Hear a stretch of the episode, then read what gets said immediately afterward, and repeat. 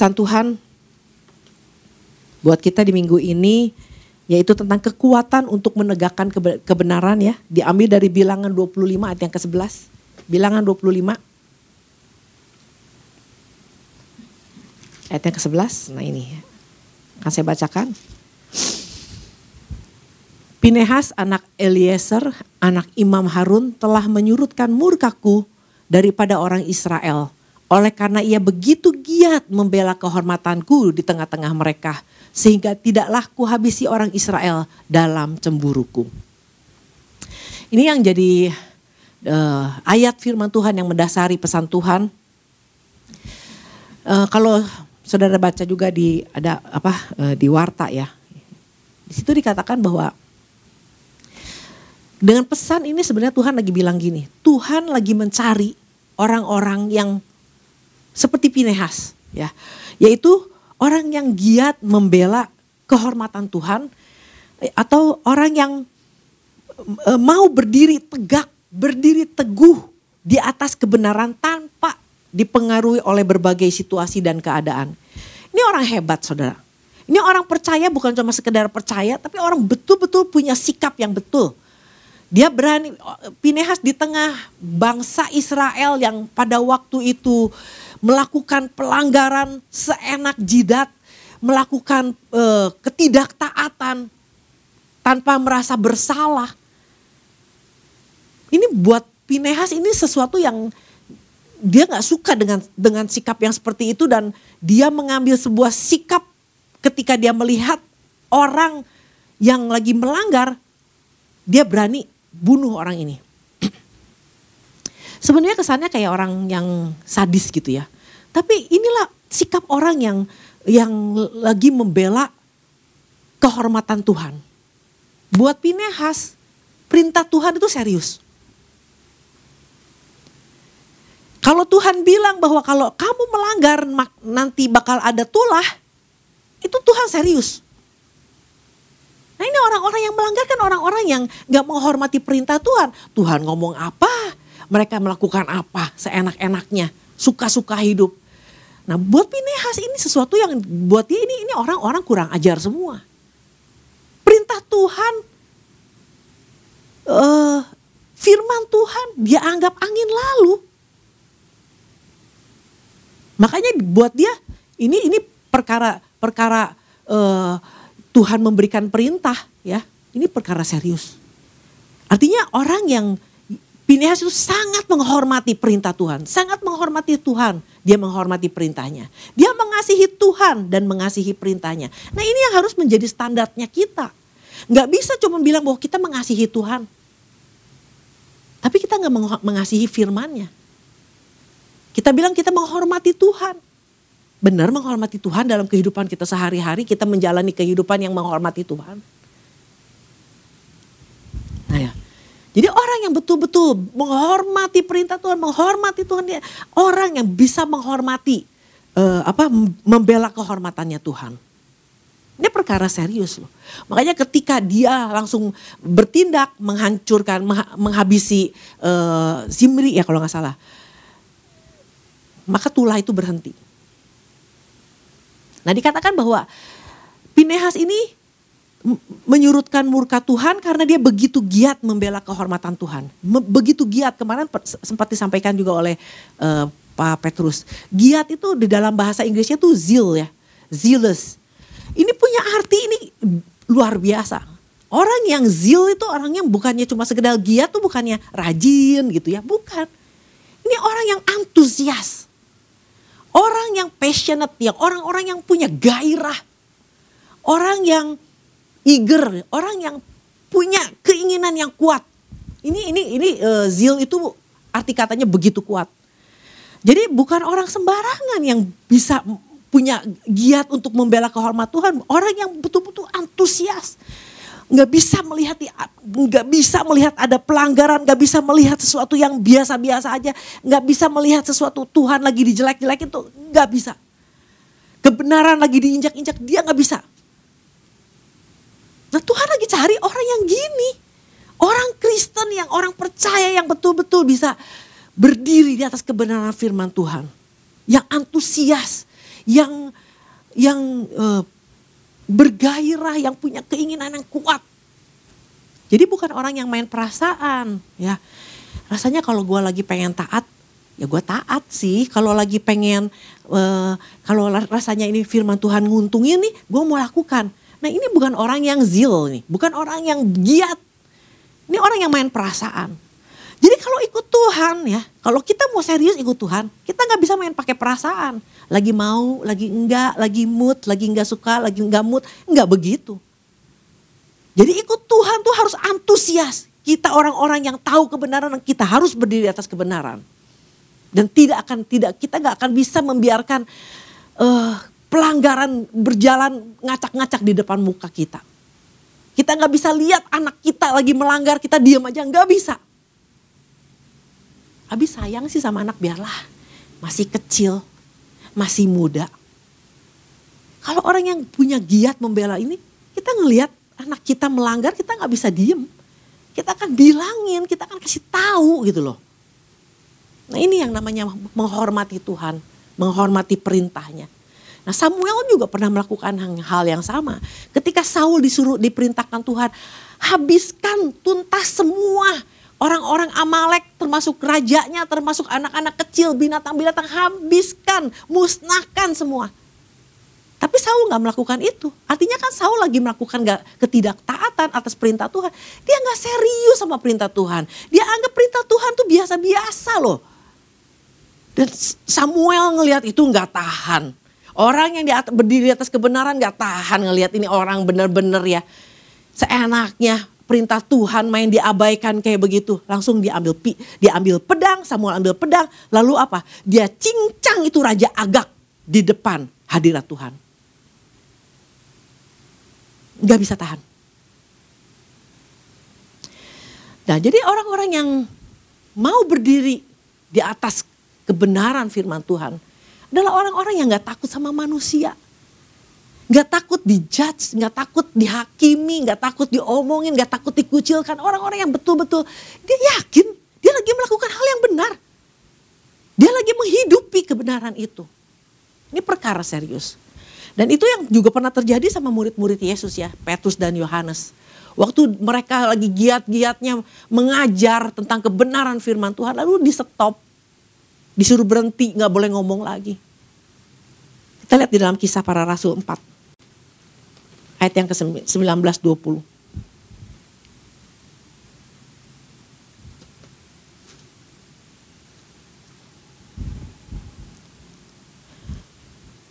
Tetapi Petrus dan Yohanes menjawab mereka, silahkan kamu putuskan sendiri. Manakah yang benar di hadapan Allah? Takut kepada kamu atau taat kepada Allah? Ini luar biasa. Ini sikap ini yang harusnya dimiliki oleh saya, oleh kita semua sebagai anak-anak Tuhan. Mau taat sama takut sama manusia, apa taat sama Allah? Ini artinya orang yang benar-benar yakin akan dia dia lagi berdiri, lagi me, lagi apa membela kehormatannya Tuhan. Sebab tidak mungkin bagi kami untuk tidak berkata-kata tentang apa yang telah kami lihat dan yang telah kami dengar.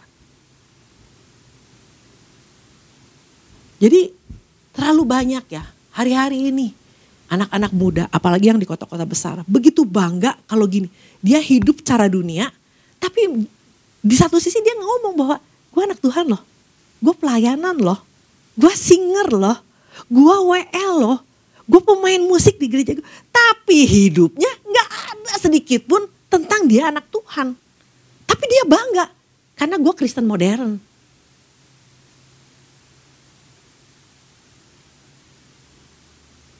Jadi Tuhan lagi kasih tahu sama kita gini, kalau mau jadi Kristen, Kristen yang kelihatan dong.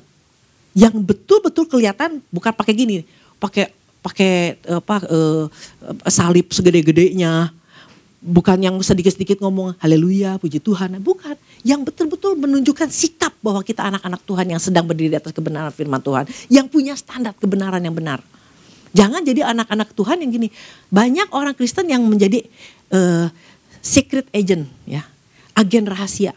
Ada agennya, tapi orang nggak tahu, karena kan agen rahasia. Jangan jadi orang Kristen yang seperti agen rahasia Nah kalau melihat uh, Yosua ya. Kita tahu lah kisah tentang Yosua. Dia adalah orang yang menyatakan, mendeklarasikan kepada eh, orang-orang di sekitar dia bahwa dia menyembah Allah yang benar. Makanya dia tawarkan sama orang. Sok pilih sama hari ini. Kamu mau beribadah kepada Allah nenek moyangmu, kepada Allah uh, orang Amori, atau kepada Allah Tuhan kita. Kalau betul-betul mau ber, uh, kalau aku, aku mau beribadah kepada Tuhan Allah yang benar. Nah ke, ketegasan ini ketika dia betul-betul menyatakan dirinya bahwa dia nggak main-main dengan pilihannya dia dia mau tetap beribadah kepada Allah yang benar. Kalau saudara baca generasi demi generasi ya itu semuanya menyembah Allah yang benar.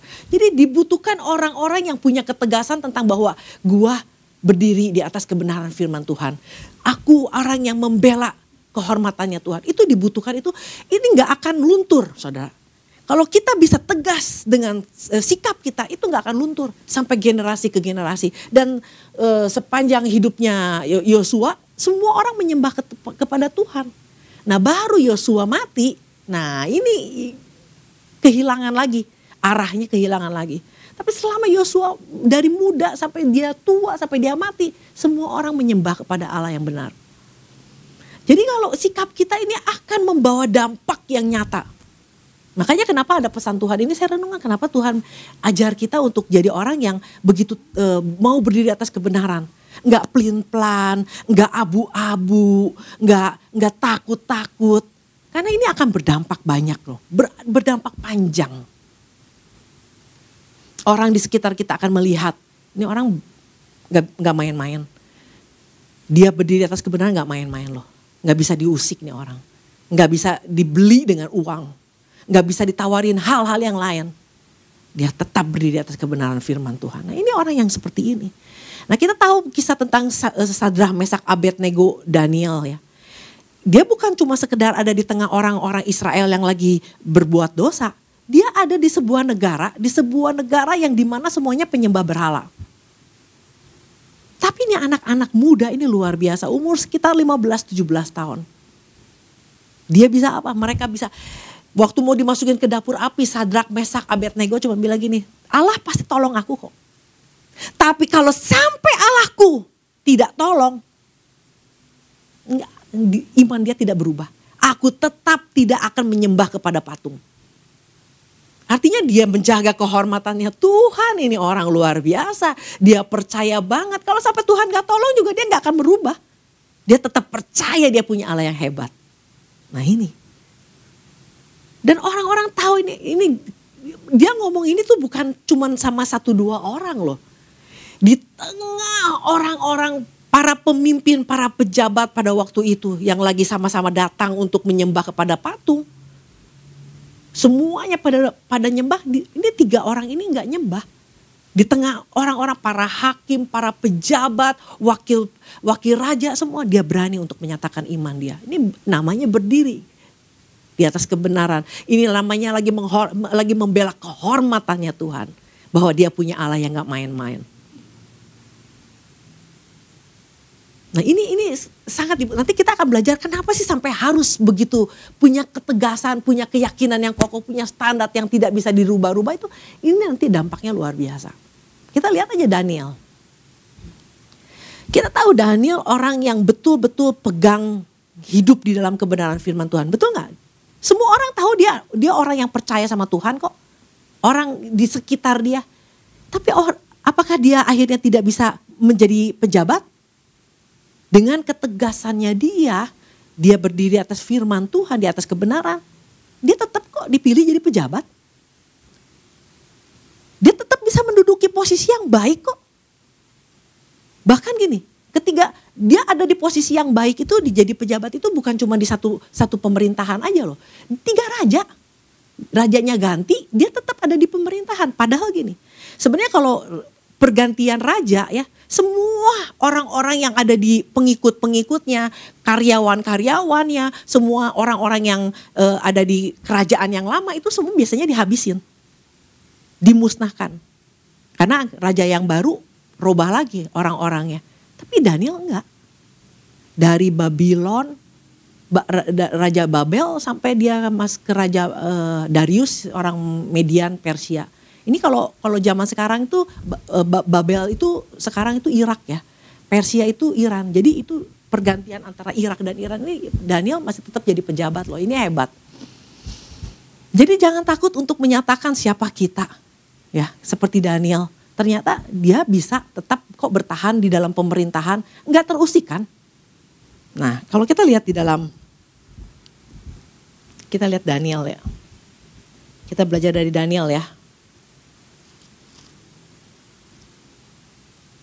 Ayat uh, Daniel 6. Nah, jadi uh, Daniel itu dari dari muda ya, dari masa remaja.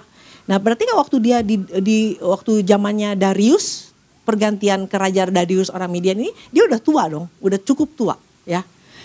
Nah dari muda sampai dia tua, ya sekitar umur, kalau anggap aja ya, dia di pembuangan, pembuangan 70 tahun ya, sekitar 70 tahun. Dia umur 15, ada nggak umur di 85 tahunan? Dia berdiri di atas kebenaran firman Tuhan, di atas kebenaran dia percaya sama Allahnya tuh tidak berubah loh. Ini luar biasa. Makanya dia kepake banget.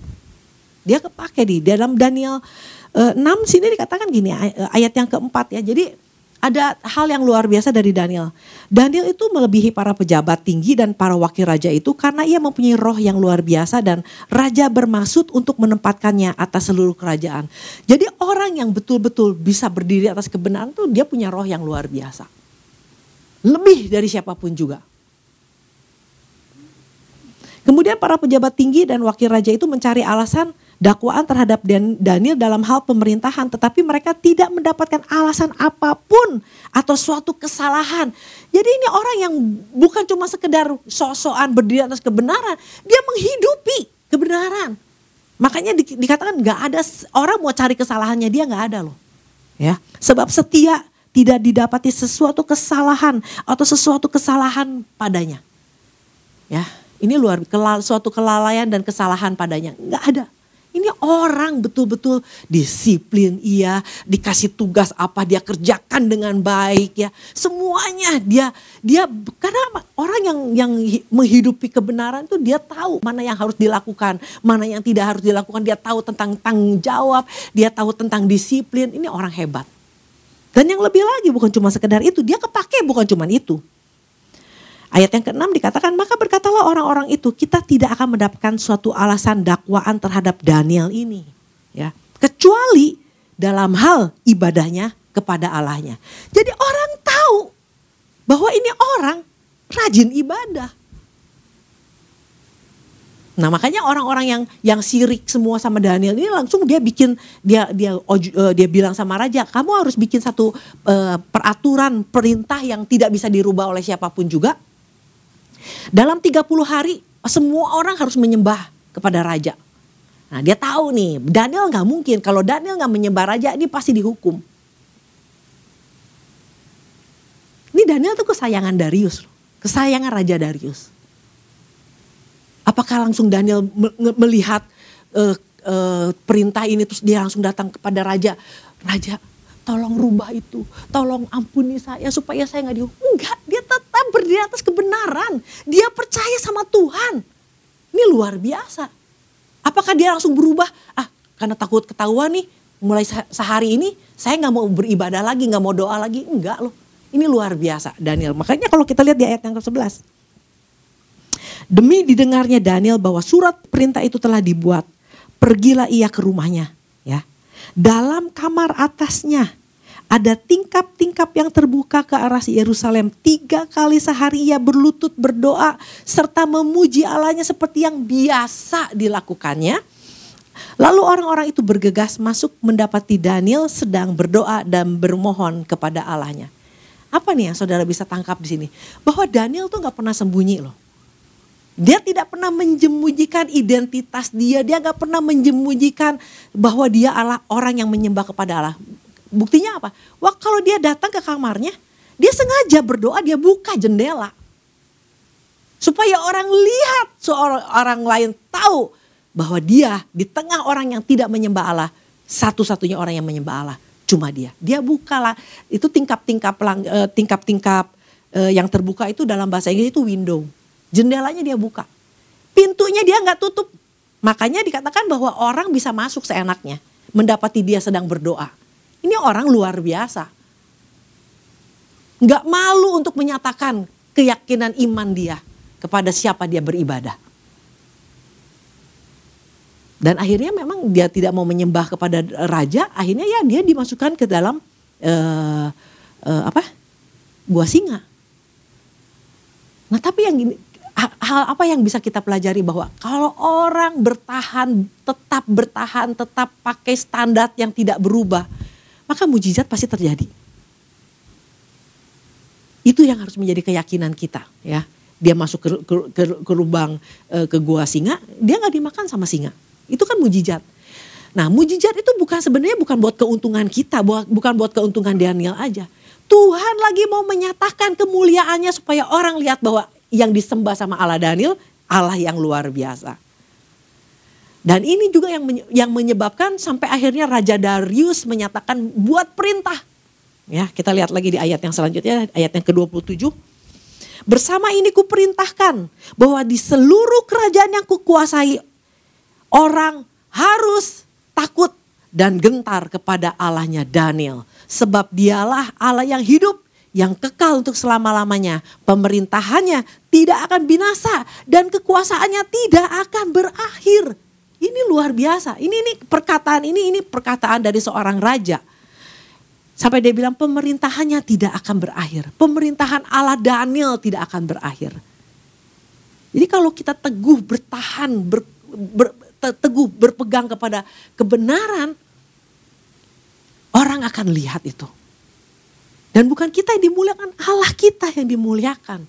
Jadi kesaksian itu sebenarnya gak selalu harus banyak ngomong. Dari hidup kita yang menghidupi kebenaran firman Tuhan, orang bisa lihat siapa Allah kita.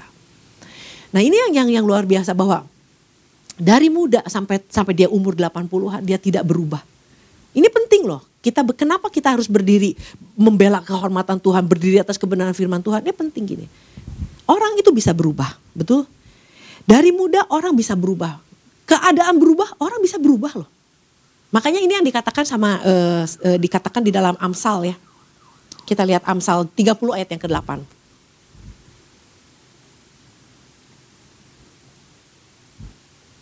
Jauhkanlah daripadaku kecurangan dan kebohongan Jangan berikan kepadaku kemiskinan atau kekayaan. Biarkanlah aku menikmati makanan yang menjadi bagianku. Ini yang menjadi uh, doa siapa tuh nih? Ya di, di Amsal lah. Jadi gini, orang waktu dia umur berjalan ya, lama-lama mungkin uh, tadinya dia kaya terus jadi susah. Orang bisa berubah nggak imannya? Bisa berubah. Bisa tadinya kokoh bertahan pada firman Tuhan, mulai goyang, mulai kompromi Orang tadinya susah terus jadi kaya, orang bisa berubah. Betul? Tapi orang yang bertahan di dalam kebenaran firman Tuhan, orang yang berdiri teguh tegak di atas kebenaran firman, mau keadaannya baik, mau keadaannya tidak baik, mau dia kaya, mau jadi miskin, tetap dia bertahan seperti Daniel. Daniel makin hari posisi dia makin makin hebat loh. Tapi dia tetap di dalam kebenaran Tuhan. Nah, ini yang luar biasanya lagi bahwa semua orang pernah akan dengar tentang Allahnya Daniel ya. Itu karena karena uh, Raja Darius pernah bilang kan bahwa ku perintahkan ku beri perintah bahwa di seluruh kerajaan yang kukuasai orang harus takut dan gentar kepada Allahnya Daniel ya. Sebab dialah Allah yang hidup yang kekal untuk selama-lamanya. Pemerintahannya tidak akan binasa dan kekuasaannya tidak akan berakhir. Ini serius loh. Orang pada waktu itu semua tahu tentang Allahnya Daniel. Nah, apa yang terjadi, saudara? Nah, kalau ini uh, ini orang uh, Raja Darius itu kan saya bilang orang Persia, orang Median. Ya, kalau zaman sekarang ini Iran. Pernah nggak saudara bayangkan nih, sekelompok orang wise man ya dari Iran, ya, dia datang jauh-jauh 4000 kilometer ke Yerusalem karena mengikuti bintang. Karena dia tahu ini Allah yang dulu pernah disembah oleh Daniel. Yang di mana Raja Darius begitu kagum sama Allahnya Daniel. Ini orang-orang ini, ini orang-orang yang dari dari Persia ini, orang-orang Midian adalah orang-orang Iran yang jalan ke Yerusalem hanya untuk mengikuti, mendengar bahwa ada seorang bayi lahir dan dia tahu ini bayi ini luar biasa. 4000 kilometer. Jakarta, Bali itu kurang lebih seribuan kilometer. Ini 4000 kilometer orang datang. Dia begitu yakin dia mengikuti bintang. Dia dia dia tahu tentang bintang, dia tahu, tapi dia langsung menghubungkannya dengan ini Allahnya Daniel kok. Nah, dia bawa belum melihat siapa rajanya. Dia belum tahu bentuknya seperti apa. Tapi mereka datang dengan membawa persembahan yang luar biasa banyaknya untuk datang menyembah kepada raja di atas segala raja yaitu Yesus Kristus. Ini berapa generasi berikutnya? Ini belasan generasi gitu. Orang masih tetap mendengar tentang siapa Allah Daniel. Dan waktu ada waktu dia tahu bahwa ini oh ini karena dia memang ahli bintang, dia tahu oh ini ini bintang ini mengarah kepada se, se, se, se, sebuah seorang pribadi yang akan yang luar biasa raja di atas segala raja. Dia ikuti, dia bawa itu persembahan begitu banyak. Bahkan Daniel sendiri uh, orang yang ber, bertahan, orang yang teguh berdiri atas kebenaran firman tuh nggak main-main. Tuhan pakai luar biasa kok. Tuhan kasih penglihatan, Tuhan nyatakan hal-hal yang akan terjadi di akhir zaman. Kepada siapa? Daniel. Dia bukan nabi, tapi Tuhan bicara banyak dengan Daniel. Bahkan Daniel sendiri di ayat eh, Daniel 9 ayat yang ke-25 dia menubuatkan tentang Yesus Kristus. Ini luar biasa saudara. Makanya gini loh, Tuhan kita Tuhan yang serius. Masa kita pengikutnya nggak bisa serius sama seperti Tuhan kita. Dan Tuhan sangat menghargai orang-orang yang uh, sangat orang-orang yang serius ikut Tuhan. Kita lihat di dalam, uh, nah itu tuh ayatnya. Daniel 9 ayat yang ke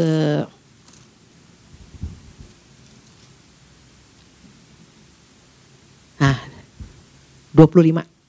Maka ketahuilah dan pahamilah dari saat firman itu keluar, yakni bahwa Yerusalem akan dipulihkan dan dibangun kembali sampai pada kedatangan seorang yang diurapi, seorang raja. Ada tujuh kali tujuh masa dan enam puluh dua kali tujuh masa lamanya kota itu akan dibangun kembali dengan tanah lapang dan paritnya tetapi di tengah-tengah kesulitan. Tapi intinya adalah Daniel tahu tentang kelahiran Yesus. Ini orang Iran berurusan dengan orang Ibrani. Nggak ada hubungannya. Sepertinya nggak ada hubungannya. Tapi dia, mereka orang-orang yang pernah dengar tentang Allahnya Daniel. Allah yang luar biasa. Yang pemerintahannya tidak pernah berakhir. Nah oleh karena itu dari pesan Tuhan ini kita mau belajar bahwa kenapa Tuhan kasih tahu supaya ayo tetap bela kehormatan Tuhan. Harus menjadi orang percaya yang betul-betul berada berdiri teguh di atas kebenaran firman Tuhan. Karena ini gak main-main. Dampaknya akan nyata. Keluarga kita akan, anak-anak kita akan melihat oh ini orang tuanya serius ikut Tuhan. Kalau benar-benar ikut Tuhan, pertolongan itu pasti nyata. Kita orang percaya dan jangan malu-malu untuk menyatakan siapa kita. Nah, biar menjadi pesan Tuhan ini membangkitkan ya, membangkitkan gairah buat kita, zealous ya, kita giat membela kehormatan, antusias, kita eh, apa bergairah, punya keinginan yang kuat ya untuk tetap berdiri atas kebenaran firman Tuhan. Demikian firman Tuhan, Tuhan berkata.